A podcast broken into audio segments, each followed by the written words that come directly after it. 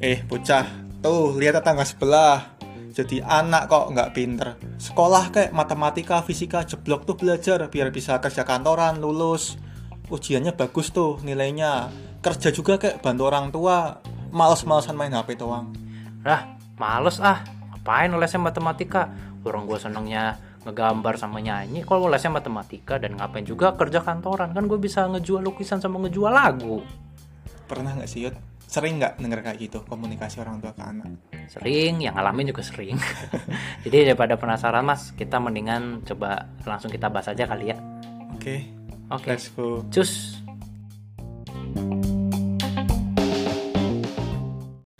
Oke guys, balik lagi ke podcast Indania bersama gue Yuda Dan saya Nabila. dan ini kita episode berapa? Ke-13 Yud. Waduh, episodenya angka sial lagi. Kok angka sial kenapa tuh? Kan katanya angka 13 kan angka sial. Aku cuma nggak tahu sih itu angka Hmm. 13 angka sial tuh ajaran maksudnya dari dari mana gitu, dari Budaya. negara mana. Budaya mana kita nggak tahu ya. budayanya kayaknya budaya luar ya kalau kalau itu mah tapi ya udahlah itu nggak penting pokoknya kita di episode ke-13 ini di season 3 ini kita lagi sekalian jam istirahat makan siang juga ya mas ya. Jadi Iya. sambil nemenin nih teman-teman yang mungkin lagi istirahat makan siang juga atau mungkin yang lagi aktivitas yang lain. Nah ini kita mau membahas sesuatu yang kayaknya sih bisa dibilang lumayan ini ya mas ya.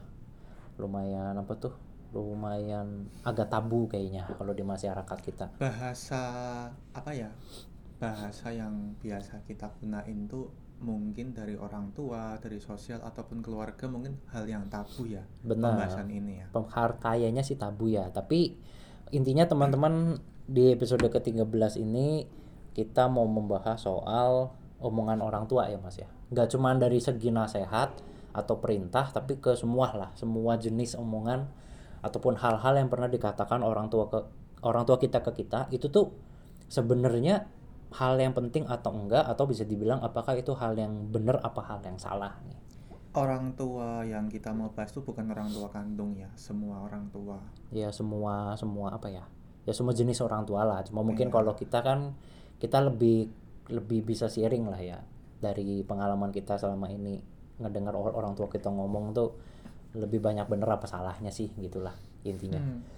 nah yang mau kita bahas itu komunikasi yang positif dulu nih Yud oke dari orang tua awali dengan yang kita. baik-baik dulu ya yang Iya, positif dulu yang positif dulu yang kita mau bahas nih Boleh, nggak masalah. cara cara cara berbicara lah dari orang tua ke kita Iya, ataupun semua omongan ataupun termasuk nasihat bahkan Iya. dari orang tua ke kita apa Ya, sih betul. sisi positifnya ke kita apakah punya dampak Ya. positif atau malah malah sebaliknya nih sebaliknya udah diomongin yang bagus tapi Iya. impactnya negatif ke kita. Ya ada kan? Hmm, pasti. Berarti omongannya nggak bagus tuh kalau impactnya jadinya nggak bagus. atau cara komunikasinya nggak bagus. Hmm, bisa. Atau Bisa kita kan? nerapinya yang salah. Bener Bisa juga, juga. eksekusi kita yang salah. Itu banyak Nah, terlalu banyak inilah ya banyak eh, ini kemungkinan. Iya. tapi kan kita mau bahas dari sisi positifnya dulu nih mas di Hmm. siang hari ini. Coba eh, mungkin dari dari kamu dulu deh. Kamu inget nggak ada kata-kata atau omongan orang tua kamu tuh ke kamu atau mungkin ke adik-adikmu eh, terus ketika kamu terapkan atau kamu jalankan tuh mungkin sampai sekarang kamu masih ngejalanin dan ternyata impactnya tuh bagus gitu hasilnya tuh bagus gitu. Ada nggak? Banyak lah. Contohnya apa? Dari kecil nyampe sekarang juga banyak. Contoh contoh satu aja Pak. contoh yang paling diingat. tuh hidup harus disiplin. Orang tua kamu mengajarkan dan disiplin? mandiri. Mereka disiplin nggak? Disiplin. Oh bagus. Kan kadang ada orang tua yang mereka tidak menerapkan A, tidak menjalankan A tapi nasehatin A ke anaknya itu kan agak sulit tuh. Tapi kalau oh tapi kalau orang tua kamu ngejalanin juga harusnya nggak masalah. mungkin itu jatuhnya ke ekspektasi Yud.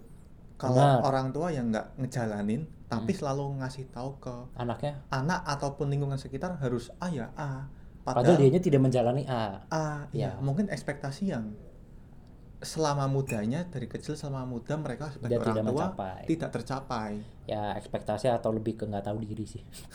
yang akhirnya ekspektasi itu diestafetin ke Kita ke kita Ya. sebagai anak-anak muda betul. nih Ya. Ya.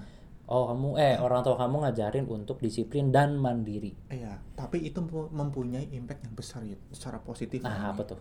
Impactnya terlalu besar malahan, Terlalu besar. terlalu besar buat Oke. psikologis anak-anak muda ya, yang sekarang udah gede ya, hitungannya Iya, ya anak-anaknya ya.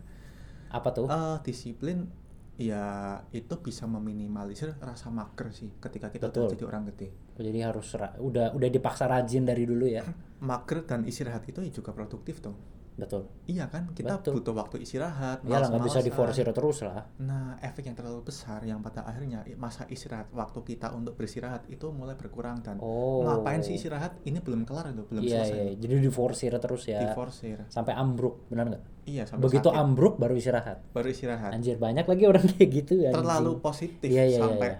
Benar, ya, benar, benar. ya sebenarnya benefitnya bagus. Cuman kalau kita nggak ngontrol kalau diterapinya kayak gitu mah ya Iya. kacau juga. Cuman ya ada bagusnya dalam arti kayak berarti kan kamu kalau ada tas atau ada kerjaan atau ada tugas kan kamu lebih kepada ke yaudah gimana caranya secepat-cepatnya dan sebaik-baiknya ini kerjaan harus gua apa selesaikan gitu kan. Iya. Cuman jadinya jeleknya karena itu over, jadinya lupa waktu mungkin lah ya bahasanya. Jadi dikerjain terus sampai terabas jam makan siang, terabas nggak istirahat, terabas nggak tidur mungkin. Begitu udah beres semua kerjaannya, baru ngerasa anjing kok kok capek ya, akhirnya ambruk gitu kan. Kalau itu kan balik ke kontrol diri masing-masing. Ya ya ya. Yang mau kita bahas kan Betul betul. ini positif kok gitu loh. Betul betul betul. Kalau yang mandiri juga sama lah. Setiap hal kebaikan yang diterima sama kita tuh, kalau orangnya nggak mengontrol kebaikan itu untuk kebenaran di masa depan atau jangka panjang, Mm-mm. ya bakal kewalahan juga Yud. Betul betul Iya, sih. Gimana iya kan? dia ngejalaninnya sih. Bener, kayak mandiri nih ya. Sampai pada akhirnya kita mau dibantu sama orang lain selalu nolak. Ah, karena udah biasa ngerjain semuanya sendiri. Iya ya, aku nggak mau ngerepotin Iya, iya, orang iya. lain. Ngapain? Betul. Meskipun ini setuju. hasilnya Itu aku setuju. slow but sure, terus Setuju. memakan Aku pun waktu begitu. yang yang lama. Ya, yang penting gue kelarin ini sendiri. Gue nggak Sendiri. ngerepotin orang Iya. dan gue nggak butuh bantuan orang. Benar. Jadi nggak jadi nggak ngarepin dan ngandelin orang lain kan? Iya, karena kita betul bisa. betul. Iya setuju. Bukan karena kita ingin ya, tapi kita bisa gitu. Ya bukan karena kita merasa sombong atau merasa paling Enggak. pinter enggak. Ya emang karena gue udah biasa ngerjain semuanya sendiri. It- itu banyak banyak harfiah sih yang betul betul. yang kebaikan yang orang tua selalu omongin ke kita. Kalau kita nggak bisa kontrol, itu malah justru jadi bahaya juga sebenarnya. Setuju. Ya tergantung gimana cara menyampaikannya sih. Nah, Hal sekarang- baik disampaikannya jelek ya jadi jelek.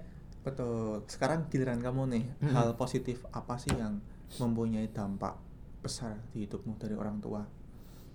Apa nih? Pasti banyak dong. anjing lah. Em, ada ada. Yang paling aku inget mungkin salah satunya dan yang impactnya masih aku rasain banget sampai sekarang adalah karena aku tiga bersaudara. Aku punya kakak laki-laki dua jadi aku paling kecil. Nah dari dulu tuh orang tuaku itu selalu menanamkan lah ya mungkin bahasanya menanamkan sifat ataupun pun- mungkin mengajarkan bahwa kalian bertiga ini nih saudara kandung which means artinya mau sampai kapan pun mau dalam keadaan sesulit apa pun kalian akan tetap bertiga. Kalian akan tetap solid. Oke. nggak boleh ada satu hal pun yang memecah kesulitan kalian bertiga even pun itu orang tua atau mungkin nanti masing-masing udah pada punya istri udah pada punya anak. Nggak boleh tuh kalian bertiga berantem karena istri atau karena anak atau karena apa pun lah.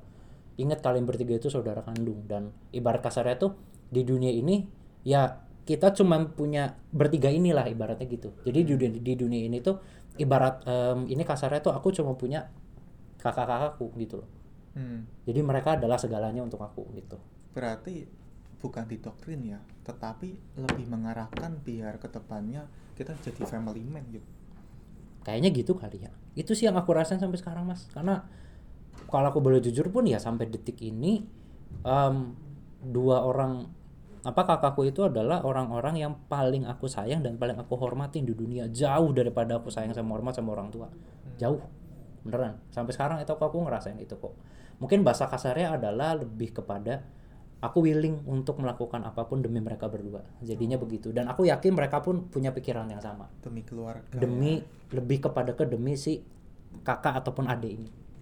Jadi Oke. ini nih nomor satu sampai sekarang. Bagus dong. iya jadi kalau mungkin kamu ngelihat banyak di luaran sana yang kakak adik itu nggak akur apalagi yang udah seusia kayak kita ya yang udah usia Iya. bukan anak kecil biasanya kan udah sibuk sama dunia masing-masing apalagi udah pada punya keluarga atau mungkin punya usaha atau mungkin yang lain-lain jadi biasanya si mungkin rasa sayang ataupun em, apa prioritas dalam hidupnya kan udah terpecah-pecah tuh biasanya kan kalau Iya. orang udah seusia kita tapi yang aku rasain sampai sekarang adalah aku dan saudara-saudaraku kita masih bener-bener solid dan kayaknya sih kalau dari pikiran dan bayang bayanganku sekarang yang mudah-mudahan ini juga terjadi kayaknya sih solid solidnya itu akan bener-bener sampai kita semua udah pada mati Hmm.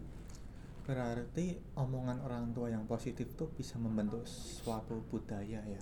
betul ya meskipun em, kalau aku nggak salah inget sih waktu itu orang tuakunya menyampaikannya nggak nggak bisa dibilang dengan cara benar juga mereka menyampaikannya tuh inti kalimatnya kalau aku nggak salah inget ya Hmm. itu lebih kepada ke pokoknya kalian bertiga itu harus saling sayang sama saling hormat. Nggak apa-apa lah kamu nggak sayang sama nggak hormat sama mama sama papa nggak apa-apa. Yang penting kalian bertiganya ini harus selalu kompak gitu loh. Nah mu- itu kan sebenarnya kalau kita terapkan secara harafiah bener-bener itu kita terapin kan bahaya juga. Iya. masa iya sih kita nggak sayang sama hormat sama orang tua? Nggak mungkin Iya, dong. Mm. tapi kalau secara takaran ya mungkin ada yang lebih banyak mana nih orang tua apa saudara kandung gitu loh Mm. Nah, kalau aku kalau yang kalau yang aku rasain sih sampai sekarang gitu impactnya tuh beneran mas beneran masih ada sampai sekarang Hmm. keren sih itu Bagus kok ya. diinget-inget lagi. Jadinya kita menerapkan omongan orang tua yang positif itu ya kita sebagai generasi anak muda jadi generasi yang bagus juga. Iya, ya tapi harus dengan skill mem- memfilter juga lah seperti yang tadi kita bilang kan. Kadang orang tua kan nyampein juga dengan pemilihan kata-kata atau kalimat yang sebenarnya belum tentu benar. Tapi kan gimana kita ngefilternya kan. Oh, ini nih sebenarnya maksud mereka tuh baik loh. Maksudnya tuh Iya. ini. Ya maksudnya aja yang diterapin gitu loh. nggak usah semuanya. Lebih Iya. kepada intinya aja. Intinya apa sih yang mereka pengen? Betul. Pernah nggak kamu ngerasain pasti pernah Mm-mm. dong Apa ngerasain tuh? ketika orang tua mempunyai suatu tujuan yang bagus banget yang baik, Mm-mm. cuman cara penyampaiannya kurang berkenan. Banyak. Banyak. Banyak lagi. Nah, bisa sharing nggak Yud? Salah satunya aja. Boleh. eh, ini salah satu juga yang paling aku inget ya. Sebenarnya dan kalau aku boleh jujur paling aku inget dan aku paling gak bisa nerima sampai sekarang. Karena masuk karena menurutku tidak masuk ke akal sehatnya orang-orang pada umumnya. Ini terlalu subjektif gitu loh si Hmm. omongan ini nih. Itu tuh dia bilang gini. em, intinya aja ya. Intinya Iya. mereka bilang, "Yud, kalau nanti kamu udah nikah, udah punya istri, udah punya anak, Mm-mm. Pokoknya kamu jangan sampai lupa bahwa si istri kamu ini atau si pasangan kamu ini harus tetap kamu anggap sebagai orang lain. Orang lain. Dalam arti misalnya nih aku udah nikah udah punya istri. Hmm. Tapi ternyata misalnya mamaku atau atau papaku atau si apa kakak-kakakku tadi mereka ada kesusahan. Misalnya kesusahan finansial atau kesusahan dalam hal apa gitu. Hmm. Itu eh, ibarat kasarnya adalah aku tidak perlu ber- berdiskusi dulu sama istri. Langsung bantu aja. Oke. Jadi ibarat kasarnya tuh misalnya contoh ya Mas ya. Iya ya. Misalnya aku di tabungan cuma punya 5 juta. Itu bener-bener tabunganku dan istri ini nih terakhir nih Hmm. sampai nunggu tanggal gajian lagi. Tapi di saat yang bersamaan misalnya contoh orang tuaku punya utang 5 juta. Mm-mm. Nah, kalau nasihatnya mereka adalah ketika situasi seperti itu terjadi aku nggak perlu diskus sama istri. Hmm. Kasih aja langsung 5 juta. Toh itu orang tua, istriku adalah orang lain gitu. Tujuan baiknya apa dari itu? tujuan baiknya adalah yang aku tangkap gimana pun juga meskipun aku nanti udah punya istri aku udah bangun keluargaku sendiri dan aku udah jadi kepala keluarga meskipun nanti istri dan mungkin anakku adalah prioritas utamaku Mm-mm. tapi aku tetap nggak bisa melupakan si keluarga lamaku itu kan orang tua sama si itu kakak-kakakku tadi. Ya kalau kesusahan harus tetap dibantu. Itu mungkin pesan positifnya itu. Cuman caranya salah ya mungkin karena mereka berangkat dari pengalaman yang apa broken home ya. Jadi mungkin mereka mereka nganggap ah yang namanya ini pasangan mah bisa dianggap orang lain. Gitu. Cuman keluarga lah atau saudara yang bener-bener saudara itu yang bukan orang lain. Jadi itu tetap yang harus diprioritaskan.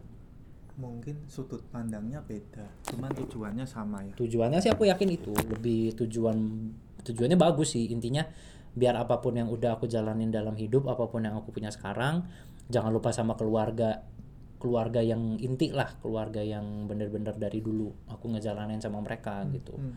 cuman ya balik lagi gimana kitanya harus jago-jago ngefilter sih Hmm. karena omongan orang tua yang kayak gitu kalau kita telan bulat-bulat kita terapin bulat-bulat kacau tuh pasti Iya. karena ya kan harus bener-bener kita oh dari omongan ini nih kayak ibarat kita bikin kopi lah Mm. disaring kan si Iya. ampasnya kan Iya. biar kita bisa tetap menikmati si kopi itu Bener Yud. tapi ampasnya harus disaring nggak mungkin lu minum ampasnya kan nah itu Bener, Yud. lebih gitu kayak apa ya kita bikin kopi sepahit apa pun kopi Mm-mm. ya tetaplah kita harus minum kopi yang enak gitu loh iya harus dinikmati terus dinikmati mau Iya. caranya apa pun betul gitu loh Iya. tapi yang aku tangkap tuh kayak sampai kapan pun usiamu tuh ya baktimu ke keluarga nggak akan sampai hilang gitu loh. Mau kamu nikah Hmm. punya anak Ya. jangan sampai hilang baktimu ke keluarga. Itu yang mungkin aku tangkap dari omongan orang tua kali kalian ya. Ya secara teori sih mereka pengennya gitu.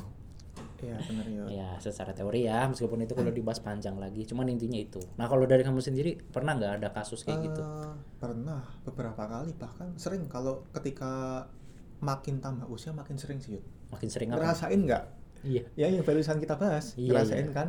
Ya. Ah, cara omongannya dan komunikasinya itu mungkin belum tertata dengan baik nih. Belum tersampaikan betul. ke orangnya. Cuman ketika kita udah berani ngefilter maksudnya apa sih? Kita kasih waktu dulu lah. Jangan langsung kita timpalin atau respon ya. Oh ribut ternyata- sih itu. ternyata ini Ada ribut toh. itu. iya, Iya, iya. ternyata ini toh Iya, gitu benar-benar. loh. Jadi ya slow respon yang ada ya betul dan ketika si anak kita sebagai anak muda ketika Hmm. nggak nggak punya emotional intelligence yang baik wah kacau ya kacau ribut terus Kayak- udah pasti nih keluarga butuh ini nih tolong dong Mm-mm. cuma statement kayak gitu bisa jadi kan si anak muda kan jawabnya bisa jadi nih kalau kita nggak nangkap sisi positifnya oh mungkin orang tua lagi butuh bantuan nggak ada Hmm. orang lain betul loh sabar dong itu kan bukan hakku bukan kewajibanku juga. Betul. Ngapain Itu juga betul. gitu? Nanti. Iya. Kalau aku udah free aku kasih waktuku buat kalian. Kalau aku ada uang, uang lebih baru uang aku kasih lebih, ke kalian. ya kalau orang yang nggak bisa ngelola ngolah komunikasi dan informasi itu kan langsung emosi kan? Iya kebayang sih itu. Iya dong.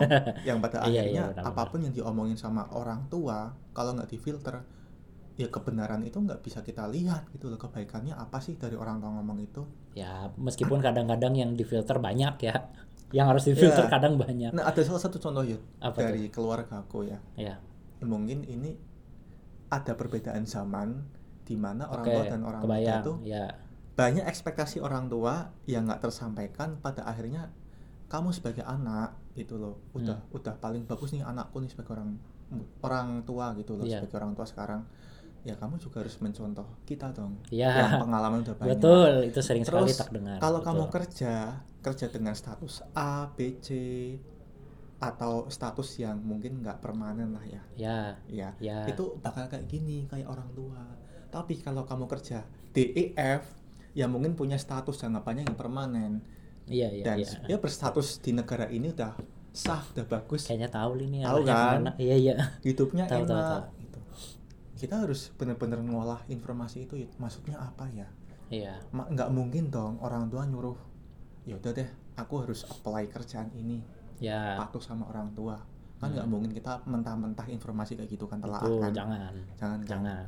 Yang pada akhirnya oh ternyata mereka pengen curhat. Selama ini ketika mereka kerja A B C kayak gini impactnya. Yang harus dipelajari kamu sebagai anak hal positifnya apa negatifnya apa betul tapi ketika kamu eh, melihat perbandingan itu dengan keluarga yang lain yang udah kerja di EF positif negatifnya ini Hmm. itu yang ingin disampaikan sama mereka sebenarnya itu itu ya cuman mungkin entah karena mereka belum punya communication skill yang baik apa gimana jadinya yang keluar kata-katanya begitu iya ya. ketika anak sering kok aku ngalamin begitu Iya mungkin anak-anak muda sekarang banyak yang dengar komunikasi omongan orang tua kayak gitu sih modelnya Yud. Iya, ya untuk anak-anak yang udah seusia kita lah ya, yang punya orang tuanya udah generasi apa tuh baby boomer ya. Baby Kayak boomers. banyak yang kayak gitu kan. karena memang pernah ada krisis moneter kan dan Iya. juga perbandingan literasi kan Betul. zaman sekarang kan ya lu mau kerja A sampai Z kalau memang anugerah dan rezeki kita di situ ya bakal semua terpenuhin kok gitu iya, loh. bener. Dan betul-betul. Bener Eh, kan? lanjut ya. kita kan juga nggak pingin durhaka ke orang tua dan orang tua juga nggak pingin durhaka kepada anak sebaliknya Iya, kan Betul. Nah. Harusnya gitu. sebagai anak muda dengan literasi yang mungkin kita bisa belajar lebih banyak ya ayolah kita coba filter omongan orang tua sepositif mungkin lah mereka juga niatnya dem- demi kebaikan anak kok Gitu Huh. Anjing lah. Oke. Berarti eh oke nggak kerasa udah mau 20 menit ya Mas ya. Kita harus balik lagi kerja nih guys. Jadi mungkin untuk em, di part 1 ini kali ya Mas ya di siang ini eh, mungkin di dicukupkan dulu bahwa intinya em, intinya untuk part 1 ini ya Mas ya. Ya. Intinya yang aku bisa simpulkan adalah ya namanya orang tua mah pasti sebenarnya aslinya omongannya mereka tuh atau nasihat atau apa pun itu bentuknya tuh pasti lebih kurang itu untuk kebaikan si anaknya. All in positif lah. All in tuh positif overall tuh positif. Cuman memang mungkin karena skill communication ataupun skill parenting mereka mungkin yang mereka mungkin yang mereka dapat dari orang tuanya mereka zaman dulu pun nggak nggak lebih baik daripada apa yang kita harapkan. Iya. jadi yang turun ke kita mungkin pemilihan kata-kata atau pemilihan pemilihan kalimat itu ketika kita coba relevansikan dengan kehidupan anak-anak zaman sekarang tuh oh ternyata banyak nggak relevan Iya. jadi PR kita sebagai anak-anak adalah harus bisa memfilter sama kayak kita bikin kopi tadi. Ya gimana caranya omongan orang tua tuh yang ibarat bubuk kopi, lu harus disaring kek atau diapain kek supaya lu dapat intisari si kopinya aja. Yang penting lu bisa nikmatin tuh kopi gitu. betul toh ujung-ujungnya demi kebaikan keluarga kita bersama Betul. orang tua happy kita jauh lebih happy iya dong happy. Iya lagi. Oke. Oke guys, sekarang kita lanjut nih pembahasan Oke. mengenai omongan orang tua yang Oke, mungkin agak tik agak negatif ya, agak kurang berkenan. agak kurang berkenan ya. Iya, agak kurang berkenan didengerinnya, apalagi dipraktekinnya. ya kita sadar semua orang tua di dunia ini Apa? pasti pingin yang terbaik lah Secara teori gitu. buat anaknya, buat Ya. orang muda, semua orang tua lah senior senior kita lah yang udah levelnya di atas kita pasti kalau ngasih tahu ya Hmm. mereka pasti sadar apa yang harus mereka sampaikan pasti yang bagus dong, nggak mungkin nggak dong. Secara teori. Ya, Secara tapi teori kenyataannya Nyatanya ya apalagi kita di Asia ya, Asia parents gimana sih? Asian parents. Mungkin kalau di Amerika atau Eropa kan orang anak-anak Hmm. Nilai jelek pun tetap diapresiasi wah bagus nih Hmm. gitu loh besok lagi yuk ah, semangat lagi yuk belajar kalau kita sebagai Asian parent mungkin. Wah, Oh. lu, dibantai lu. Dan setahu aku ya, kayaknya kalau di Amerika atau Eropa gitu atau yang rata-rata negara maju gitu di luar apa Asia ya, Hmm. di luar Asia. Setahu aku tuh budayanya lebih kepada terutama untuk anak-anak yang udah di atas 17 tahun. Hmm. Itu udah dibebasin dalam arti ya udah lu udah 100% berhak dan bahkan bertanggung jawab juga untuk hidup lu gitu. Bahkan ada yang udah disuruh keluar dari rumah, harus sudah punya tempat tinggal sendiri. Entah itu apartemen, entah itu dia nyewa rumah atau dia sama temen ya bebas, yang penting lu keluar dari rumah. Sama karena emang udah umurnya lu udah harus bertanggung jawab atas hidup lu sendiri, nggak bisa lagi ngegantungin sama orang tua. Setahu gitu. Hmm. tapi nggak bisa diterapin juga kan Yud? Di semua region di dunia itu harus sama itu nggak mungkin sih Ya kalau kita ngomonginnya begitu ya agak berat ya karena kan semua gak usah region, semua negara udah udah pada punya culture masing-masing. Udah susah kalau mau ngadopsi begitu-begitu agak lama pasti masuknya. Karena kan kalau kayak gitu nggak cuman logik doang, udah by feeling juga main kan. iya Iya, coba kalau orang tua di kita kan mungkin mikirnya kayak, aduh kasihan nih anak gua masa umur ini 17 kan berarti baru lulus SMA. Masa udah harus suruh tinggal sendiri apa segala macam. Orang-orang tua di kita kan juga banyak yang masih maunya udahlah kalau kalau lu kuliah kuliah di kota ini aja biar lu gak usah ngekos. Masih bisa tinggal di rumah nemenin mama papa kan banyak yang begitu malah. iya Aku, terlepas aku aja dulu begitu. terlepas dari murah juga ya dekat sama orang tua juga mungkin tujuan mereka sih Iya, dekat dengan keluarga ya kalau orang tua butuh apa-apa kan cepet minta tolongnya. Itu nggak masalah. Itu stereotipnya kita stereotip masalah, gitu. parents. Ya tergantung sih. Tergantung. Tergantung itunya. Tapi kan kalau tadi siang nih mas em, dan btw em, apa teman-teman ini kita di part 2 ini kita sore ya. Jadi kalau yang part satu tadi kan siang. Kita di jam makan siang. Ini part 2 nya sore nih sebelum kita pulang. Nah kalau yang tadi di siang kan di part 1 itu kita lebih kepada ngebahas em, eh, omongan orang tua yang maksudnya itu em, ini positif atau baik kan iya. Nah, tapi di part 2 ini kita mau coba bahas kebalikannya, Mas, atau sisi lainnya. Atau mungkin ada nasihat atau omongan orang tua yang ini mau difilter kayak gimana pun kayaknya jelek nih artinya atau kurang kurang baik lah gitu. Kalau dari kamu pernah ada nggak? Eh, satu omongan gitu dari orang tua kamu yang ini kok kayaknya mau gue filter gimana pun emangnya emangnya gak bagus nih gitu. Pernah ada nggak selama ini nggak ada tujuannya yang jelek. Cuman cara komunikasi yang jelek sering. Nah contohnya? Bukan di ranah keluarga ya. Oh di bukan. lingkungan sosial masyarakat pun sering gitu oh contoh. Iya dong kita kan sebagai hidup punya rumah Mhm. tet- punya tetangga ya pasti sering kan apalagi ada konflik antar keluarga gitu. Antar tetangga kan itu banyak. Betul ya udah eh, banyak kok mengalami kejadian yang nggak mengenakan ketika waktu masih kecil tuh. Itu masih inget banget yuk sering banget. Ketika eh, gini nih. Ketika rumah belakang aku tuh Hmm? dibangun kos-kosan. Oke. Rumah di Oke. belakang dibikin kos-kosan. Kos-kosan. terus? Oleh tetangga nih itu Iya. oleh warga situ. Terus? Dan ada suatu kejadian memang kos-kosan itu ada momen banyak ah, apa ya banyak sosial anak-anak sosial yang apa ya melakukan hal-hal yang negatif. Apa tuh? Di kos-kosan mabuk-mabukan waduh. dan sebagainya macam. Sampai Oke. pernah ada yang mengancam warga mengancam jiwa warga yang lewat di gang kos itu. Oh, aku sebagai anak kecil yang temboknya melekat langsung dengan kos-kosannya. Melekat langsung? Ya Iya, ya udah tiap malam kalau orang-orang tua mas-mas muda lah yang eh mas-mas yang lebih tua di dari usia aku ribut Hmm. ngomong kasar kan kedengeran gitu. Ya. Nah oh ternyata gini ya orang-orang tua pada kalau marah ya berkomunikasi Hmm. kayak gini ya. Terus ketika keluar dari rumah banyak keributan ternyata gitu. Banyak orang-orang tua yang sumpah serapah yang nggak enak. Kok kayak gini sih? Tujuan mereka tuh baik ingin menyadarkan anak-anak kosan biar jangan ribut jangan bertindak senonoh. Mm-mm. tapi cara mereka berkomunikasi kok jelek juga gitu loh Hmm. Nah, dari situ akhirnya aku membaca kok masyarakat di sini kayak gini ya. Ternyata cara komunikasinya juga ada hal yang yang negatif yang harusnya ini nggak boleh dengerin sama anak kecil gitu loh. Dan Hmm, setelah oke. itu setelah kita dewasa kembali karena keluarga nih. ya Ternyata sadar ya, bahwa bahwa komunikasi yang baik itu penting sebagai orang tua. oke Seba- Oke, oke. Sebelum menyampaikan pendapat ke anak yang lebih muda ya.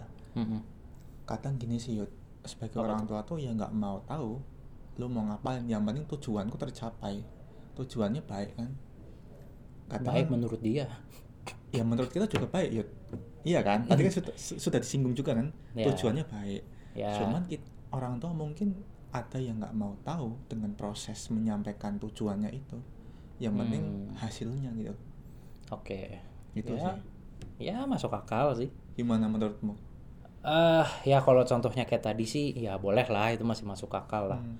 cuman em, kalau sesuai dengan em, apa tema kita kali ini mas omongan orang tua itu apakah penting atau enggak atau lebih kepada ke apakah baik apa enggak baik dari cara penyampaiannya ataupun tujuan akhirnya kenapa mereka ngomong seperti itu atau ngasih nasihat seperti itu. Kalau aku kebetulan ada contoh mas Hmm. aku nggak bilang lah ya ini baik apa buruknya baik dari segi penyampaian ataupun goalsnya. Nanti kamu coba nilai sendiri dan mungkin teman-teman yang ngedengerin juga boleh nilai sendiri. Iya, gimana tuh? Intinya ada orang tuaku aku. Nggak usah bilang yang mana. Pokoknya orang tuaku aja. Orang tua lah ya? Ya one of them itu ada yang punya masalah pribadi sama saudara kandungnya. Hmm. jadi orang tuaku itu ada yang punya saudara kandung. Nah dia masalah sama saudara kandungnya. Oke. Ada something lah yang dia nggak terima aku nggak bisa cerita karena itu terlalu personal banget terlalu masalah keluarga. Pokoknya intinya orang tuaku ada masalah ada isu sama saudara kandungnya. Dia merasanya dia diperlakukan tidak adil sebagai saudara kandung. Nggak adilnya itu dalam hal apa? Dalam hal duit.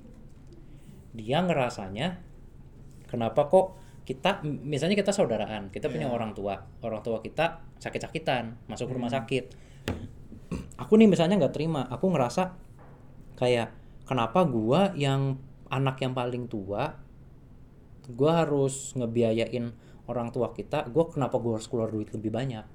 Hmm. padahal lu yang adik gua dan lu yang ibarat kasarnya itu secara rezeki yang dalam hal finansial atau material lu tuh jauh lebih daripada gua. Oke.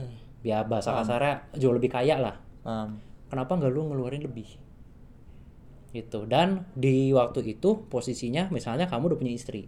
Ya. kamunya kan sibuk kantor seharian sementara orang tuamu di rumah sakit. Hmm. kamunya kamunya kan karena kerja seharian di kantor kamu nggak bisa ninggalin kerjaan kantor kan? Hmm. istrimu yang nungguin di rumah sakit. Tapi karena mungkin ada hubungan yang kurang baik juga istrinya kamunya nggak mau nungguin lama-lama. Oke. maksimal cuma mau berapa jam doang gitu. Habis nungguin berapa jam pulang ya digantiin sama aku aku yang jagain. Hmm. nah di situ aku ngerasa nggak terima kayak satu nggak terimanya sama kamu. Kenapa kamu yang lebih kaya? Kok tidak mau keluar duit lebih untuk bayar rumah sakit? Itu yang pertama. Terus yang kedua oke lah kalau lu merasa lu eh, sibuk kerja karena em, apa jabatan juga udah tinggi kerjaan nggak bisa ditinggal. Tapi kan istri lu nganggur. Bisa dong jagain. Itu kan gimana juga kan mertuanya. Mertua kan orang tua juga. Ya. tapi kenapa cuma mau ngejagainnya cuma sebentar akhirnya gua yang tinggalnya beda kota gua harus bela-belain naik kereta apa segala macem buat ngejagain orang tua. Nah intinya gitu. In- Itu intinya nggak terima karena hal itu. Diucapin langsung. diucapin langsung. Aku nggak tahu apa kebenaran diucapin langsung ke saudaranya yang dia merasa tidak terima itu tapi yang pasti dia ngomong ke aku. Hmm. gitu. Jadi ketika udah balik ke rumah udah beres semua apa masalah bla bla bla segala macam balik ke rumah dia ngedumel. Ngedumelnya kayak tadi. Tapi ngedumelnya ke aku Yang harusnya ya kamu nggak perlu denger itu. yang harusnya kan ya gue masa bodoh itu masa lalu. Dan masa lalu sama saudara kandung lu gitu loh. Masa gue harus tahu sih? Dan kalaupun gue tahu gue nyelesainnya gimana? Kan itu itu kan masa lalu sama saudara lu. Ya kalian kelarin lah berdua. Kan kalian saudara kandung gitu loh maksudnya. Nah waktu itu terus keluarlah bukan satu nasihat sih. Lebih kepada ke satu omongan atau satu request. Ke kamu. orang tua aku ada request Ke kamu nih. ke aku dong Oke. dia kan sakit hati sama saudaranya Iya. dia bilang gini, Yud, ini intinya aja ya. Ah. Intinya, Yud, kamu tolong curi uangnya si saudaraku itu. Ini caranya begini, begini, begini, begini. Yang- Aku diajarin. Yang lebih kaya itu. Iya, aku sakit hati karena dia padahal lebih kaya, tapi dia kayaknya pelit banget ngeluarin duit. Ya udah kalau dia pelit banget, kemarin gue udah keluar duit lebih banyak buat bayar rumah sakitnya orang tua gue. Sekarang gue pengen ngambil duitnya dia. Dan nyuruh kamu buat? Dan nyuruh gue yang ngambil. Ngambil uang. ngambil duitnya. Dikasih caranya dikasih tahu sama sama orang tuaku ini Ini Terus? gini gini gini gini gini. Kejadian. awalnya aku udah bilang aku nggak mau. Gue bilang gue nggak mau. Bukan karena gue nggak ngebelain lu sebagai orang tua tapi lebih kepada ke satu nyolong duit itu salah. Dua ini kan masalah lu. Kalau lu memang nggak terima apa segala macem ya lu silahkan selesaikan sendiri kalaupun lu mau nyolong duit ya colong duit sendiri. Gak usah nyuruh gua gitu loh. Karena gua nggak ada masalah sama saudara lu. Yang ada masalah kan lu. Ya lu kelarin sendiri lah. Kenapa lu minta tolong gua gitu loh. Gitu kan eh, secara eh, em, apa logika ini berpikirnya gitu. Oke. tapi ya namanya Asian parents maksa dong. Terus? Nah, ya udah ya akhirnya mau nggak mau aku lakukan. Dan itu berhasil. eh secara intinya aku bisa bilang syukurli syukurnya gagal. Alhamdulillah kakak. alhamdulillah gagal. Gagal. Ya pokoknya ada something yang terjadi Hah? aku minta bantuan ke ini kakak-kakakku. Makanya nyambung tuh ke ke yang part satu tadi. Untung aku solid sama si kakak-kakakku ini. Jadi aku bisa cerita apa pun kan. Ya udah aku cerita akhirnya kita rumbukan enaknya gimana penyelesaiannya. Ya akhirnya adalah intinya intinya ada nih satu jalan keluar. Ya udah itu diterapkan. Intinya win-win solution lah. Hmm. Si orang tuaku dapat apa yang mereka mau dapat duit lah ibarat kasarnya. Tapi kita tidak ngerugiin si saudaranya. Gitulah caranya. Kok bisa ya? nah itu silahkan Mas Nabil dan teman-teman yang mendengar silahkan nilai sendiri. Omongan dan request orang tuaku itu apakah tergolong ya baik atau buruk? Mungkin dari segi penyampaian mungkin dari segi goalsnya. Kan tadi aku goalsnya aku udah ceritain goalsnya itu apa. Nah silahkan bisa dinilai sendiri. Tapi kalau dari Gitu. konteks ceritamu sih tujuannya karena tujuannya jelek juga kan? Karena penyesalan atau emosi sih lebih kepada ke emosi sih bukan Emosi. penyesalan emosi. Karena dia nggak terima.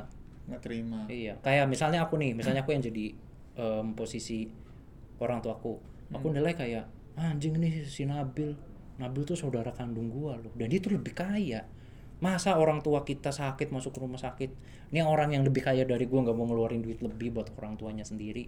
Itu yang satu. Terus yang kedua oke lah kalau si Nabil ngakunya dia bos di suatu perusahaan jadi nggak bisa ditinggal lama-lama kerjaannya jadi nggak bisa nungguin di rumah sakit. Ya udah kan ada istrinya istrinya kan nganggur. Hmm. bisa dong ngejagain tapi kenapa mau ngejaganya cuma satu jam dua jam? Gimana pun kan itu mertuanya. Iya. mertua kan orang tua juga. Ini ceritanya aku dari sudut pandang orang tuaku. Karena Oke. karena dia ngedumelnya begitu waktu itu. Ya aku nggak tahu juga apakah beneran itu yang kejadian tapi dia ceritanya begitu. Kayak di film-film ya. ya. Di film-film serial tuh ujung-ujungnya ya masalah Makanya. keluarga. kayaknya rata-rata gitu sih iya ya itu itu salah satu yang terjadi dan aku masih inget banget sampai sekarang kayaknya itu sampai aku mati nggak akan aku lupa deh kayaknya orang tuaku juga kalau aku ceritain harusnya masih inget Dan harusnya meminta maaf nggak ke kamu? boro Lu tahu Asian Parents, Mas? Iya Asian sih. Parents kan salah satu apa tuh bahasanya? Em, bu, stigmanya lah ya mungkin. Em, ini mungkin nggak semua Asian Parents begini. Tapi kan stigmanya adalah kalau Asian Parents itu mereka tidak akan pernah mau ngaku salah ke anaknya. Ke semua orang sih.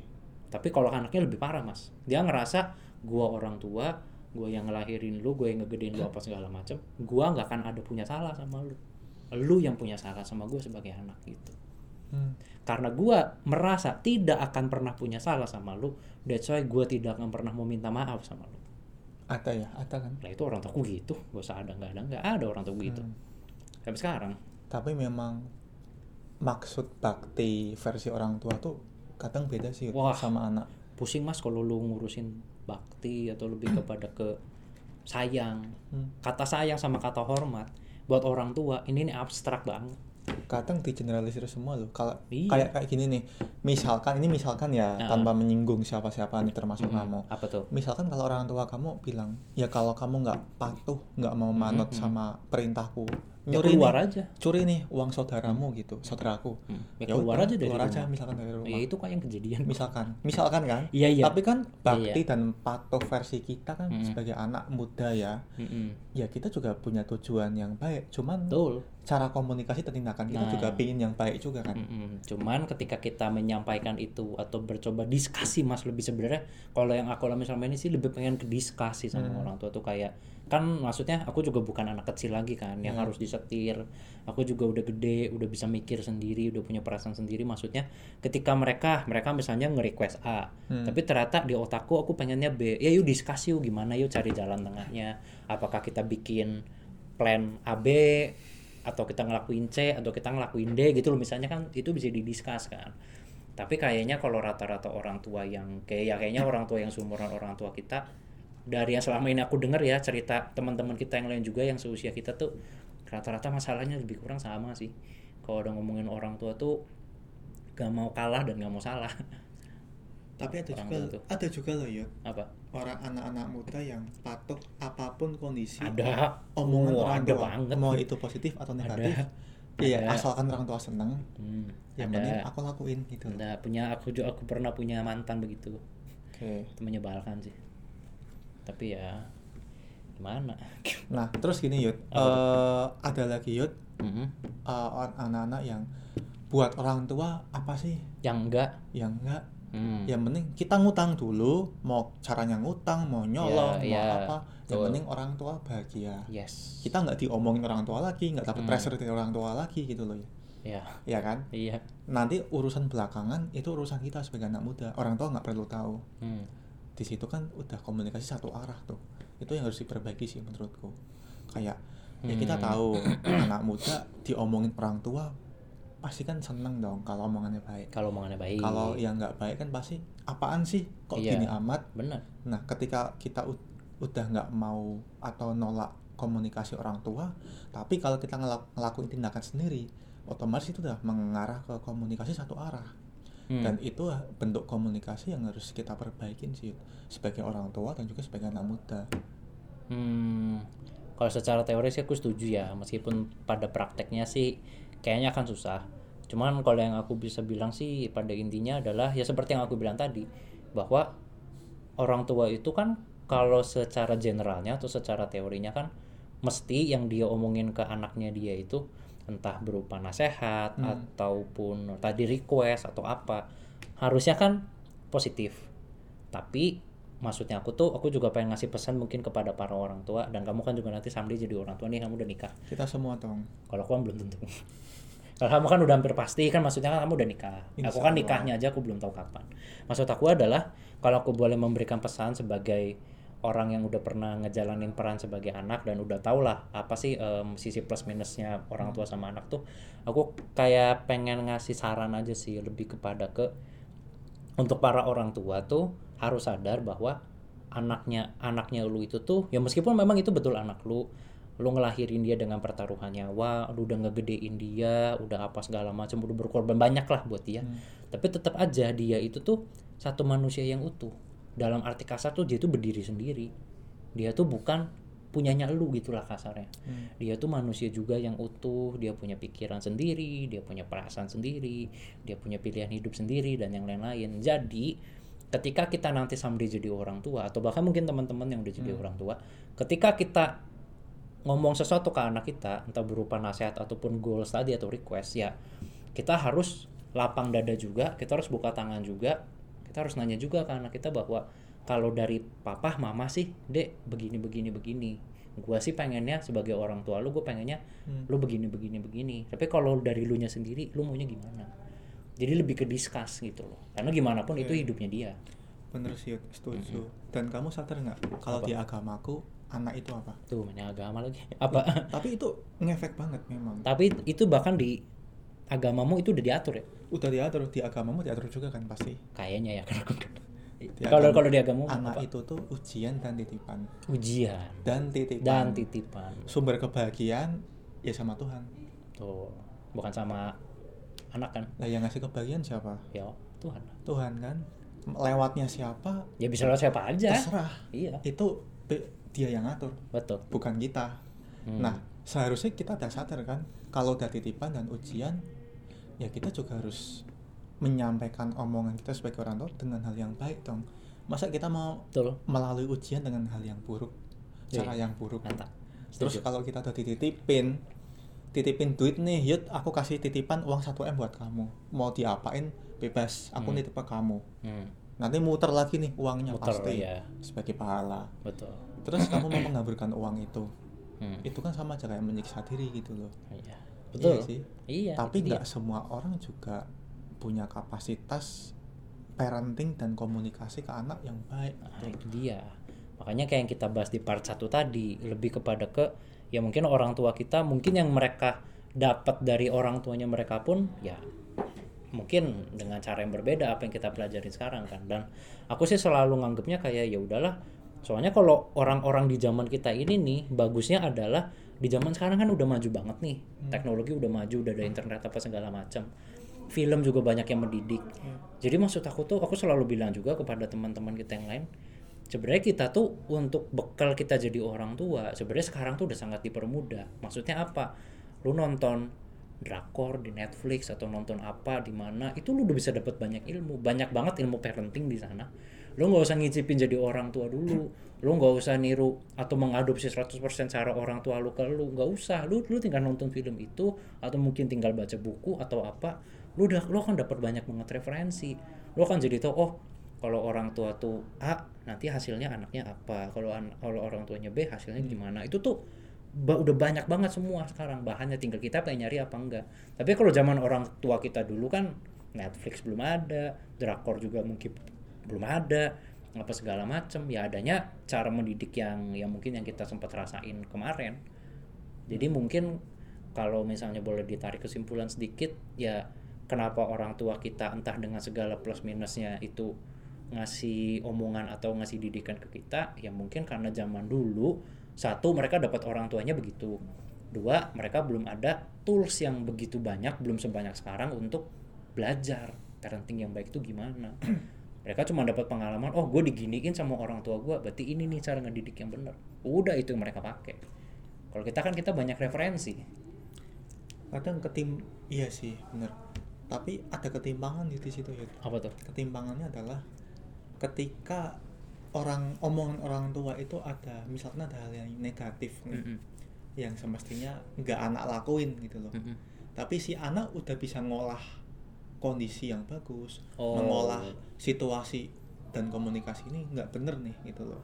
Ya. Nah setelah dia mengolah komunikasi yang nggak bener dia menyampaikan pendapatnya tuh. Ke orang tua. Ke orang tua. Dan orang tua nggak mau tahu. iya pasti. Itu ketimpangan yang sampai sekarang masih terjadi sih misalkan ya kembali lagi ke pribadi anak-anak sekarang ya. Kalau Iya. memang pribadi anaknya bisa membenarkan apa ya kondisi yang harusnya ini bener nih Hmm. ini salah kalau Hmm. udah kayak gitu ya udah kita harus apa ya memiliki keberanian dan untuk Hmm. menyampaikan pendapat. Jangan malah diem-diem wae. Yang penting orang tua nggak tahu. Soalnya ini udah salah. Yang penting aku seneng aja deh. Itu loh yang penting pendapatku aku simpan sendiri aku ngelakuin buat diriku sendiri. Ya udah kan yang mau nge- ngerasain masa depan aku bukan orang tua lagi.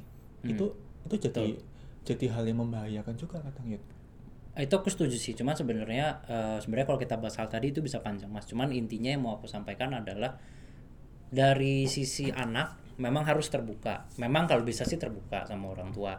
Ada apa cerita kita punya ide apa cerita kita punya apa cita-cita jadi apa ya cerita. Semua tuh harusnya harusnya diceritain. Itu dari sisi anak. Nah dari sisi orang tua harus bisa open minded juga. Ketika anak itu cerita mungkin dia ada kepengenan ini itu dia ada request ini itu dan ternyata itu tuh tidak sesuai dengan apa yang kita mau atau tidak sesuai dengan apa yang kita expect sebagai orang tuanya ya lo harus bisa dengan lapang dada atau dengan tangan terbuka ya minimal lo ajak discuss tuh anak. Lo nggak bisa maksain kehendak lo gitu. Kadang ada loh mas or- karena orang tua yang memaksakan kehendak. Karena orang tuanya udah mikir A udah ekspektasi A ya gue nggak mau tahu anak gue mikir apa. Anak gue punya apa cita-cita apa punya harus nerapin apa yang gue pengen. Itu akhirnya ngebuat anak jadi tertutup kayak ah gua gua sebelum cerita sama orang tua gua pun gua udah tahu respon mereka kan kayak apa. Tapi zaman sekarang nggak tertutup lagi gitu. nggak tertutup lagi Yud. ngelawan. Ah iya. Zaman sekarang lebih ke kalau omongan orang tua negatif anak lebih negatif nantinya. Iya. Ngelawan anak yang lebih ada. negatif. Iya kan? iya udah berani ngelawan lah. Bener. udah zaman udah mulai berubah. Karena mungkin ada orang tua yang menjadikan pengalamannya untuk- sebagai tolak ukur. sebagai tolak ukur dan tuntutan. Iya padahal zamannya dia sama zamannya kita bedanya beda banget. Ya dulu zaman mereka Bener. juga harga berapa sekarang harga berapa? yang harusnya beda jauh. pengalaman untuk menjadi apa ya sumber olah ya olah referensi aja. pikiran iya kepada referensi anak-anak aja. muda gitu iya nggak bisa disamain. Zaman mereka sama zaman kita udah jelas jauh beda. Zaman kalau mau disamain orang tua aku mas di usia aku yang sekarang di umur 28 tahun mereka udah punya anak tiga. Hmm, aku sekarang baru-baru pengen mikirin punya anak. Beda kan? Iya maksudnya dari hal ses- ses- sesimpel aja tuh itu aja tuh bisa beda. Jadi harusnya sebagai orang tua juga kita harusnya nggak bisa kayak lah dulu di zaman gua atau dulu tuh gua ngelakuin ini nih menyelesaikan masalah A tuh caranya begini. Berarti lo harus begini juga. Ya belum tentu. Dan juga kita sebagai anak muda ya nggak bisa nuntut orang tua juga. Bener. Mereka udah tua dan kita tahu kapasitas mereka sejauh mana nih dalam menyampaikan suatu komunikasi ya. Betul. Pasti seorang anak anak apalagi anak kandung ya, bukan anak-anak di masyarakat pada umumnya lah. Mm-mm. Anak kandung ya pasti tahu kok kapasitas orang tua gimana gitu. ya Orang tua juga sebaliknya. betul Kalau memang orang tua udah ngomongnya salah, meskipun tujuannya baik, ya kita juga harus punya kapasitas untuk membenarkan kondisi itu. Jangan sampai membiasakan Ya. hal yang negatif, tapi kita harus membiasakan hal yang benar gitu loh. Betul. Aku aku sangat setuju sama apa yang kamu bilang tadi. Kita sebagai kan eh, kalau yang tadi aku contohin kan orang tua nggak bisa memaksakan atau berekspektasi ke anaknya. Hmm. Begitu juga sebaliknya seperti yang kamu bilang tadi, anak juga nggak boleh maksa atau berekspektasi berlebihan sama orang tuanya. Bener Itu aku setuju banget karena bahkan aku pernah dengar salah satu stand up komedian terkenal di Indonesia dia bilang yang namanya orang tua itu akan lebih cep- akan lebih cepat ditunggu mati daripada ditunggu berubah. Jadi ya agak susah sih kalau memang kita pengen efek sama orang tua. Tapi eh mungkin intinya mungkin ini sebagai em, apa closing si- closing statement kali ya mas ya. Sebenarnya bisa aku simpulkan balik lagi sih seperti yang dari tadi kita bahas bahwa kalau secara teori atau secara general mestinya apa yang orang tua sampaikan ke anak entah dalam bentuk apa pun harusnya itu yang terbaik untuk si anak. Iya. tapi mungkin ada beberapa cara yang salah karena mereka mungkin kurang literasi seperti yang tadi kita bahas. Nah, tugas kita sebagai anak adalah PR pertama kita harus coba saring dulu sebenarnya maksud orang tua kita tuh apa. Kita tangkap inti sarinya aja yang bagus, gak usah semua muanya. Tapi kalaupun ternyata udah kita saring emang jelek, emang gak bagus untuk diterapkan, ya coba ngobrol baik-baik lah Diskusi lah. didiskusiin kalau memang gak bisa juga ya udah kalau menurut aku pribadi sih ini hidup hidup lu lu, bah, lu berhak kok ngejalanin hidup lu sesuai apa yang lu mau Iya, yang penting nggak di luar norma ya. Iya, nggak semua omongan orang tua itu harus dijalanin. Itu sih aku mah yang aku pegang. Tapi pengalaman orang tua bisa kita dapetin. Itu wajib Sebagai malah, masukin, wajib. sebagai masukan. Pengalaman orang tua, nasihat orang tua wajib didengerin nggak? Wajib. Wajib. Tapi dijalanin apa enggak belum tentu. Didengerinnya sih wajib. Hmm. Tapi kan setelah kita dengerin karena kita yang lebih relevan dengan situasi lingkungan yang sekarang, kita saring. Habis itu setelah kita saring baru kita jalanin. Jadi jangan ser- jangan mentah-mentah dijalanin gitu maksudnya. Bener. Ya pada ujungnya orang tua yang baik pasti akan lebih mengerti situasi anak yang sekarang dan juga Harusnya. sebaliknya. Betul. Jadi saling ngerti lah ya. Iya. Oke. Yud. Wah, ini panjang sih ini sebenarnya kalau dibahas ini aja udah setengah jam, udah jam segini Hmm. juga. Oke guys, ini mungkin untuk episode keberapa tadi? 13, ya. malam ini Tentang omongan orang tua atau nasihat orang tua apakah penting apa enggak tadi udah kita bahas. Mudah-mudahan bisa menginspirasi. Jadi mungkin untuk teman-teman yang sekarang uh, mungkin belum jadi orang tua tapi pengen jadi orang tua someday ya mudah-mudahan ini bisa menginspirasi ya jadi kalau nanti someday kita termasuk aku dan Mas Nabil juga kalau memang nanti someday kita udah punya anak minimal secara teori kita udah tahu lah kita harus ngapain intinya sih gitu minimalisir masalah Oke, mungkin untuk episode ke-13 ya di season 3 ini Kita cukup akhiri. Gua Yuda pamit. dan saya Nabila pamit. Thank you guys. Thank you guys.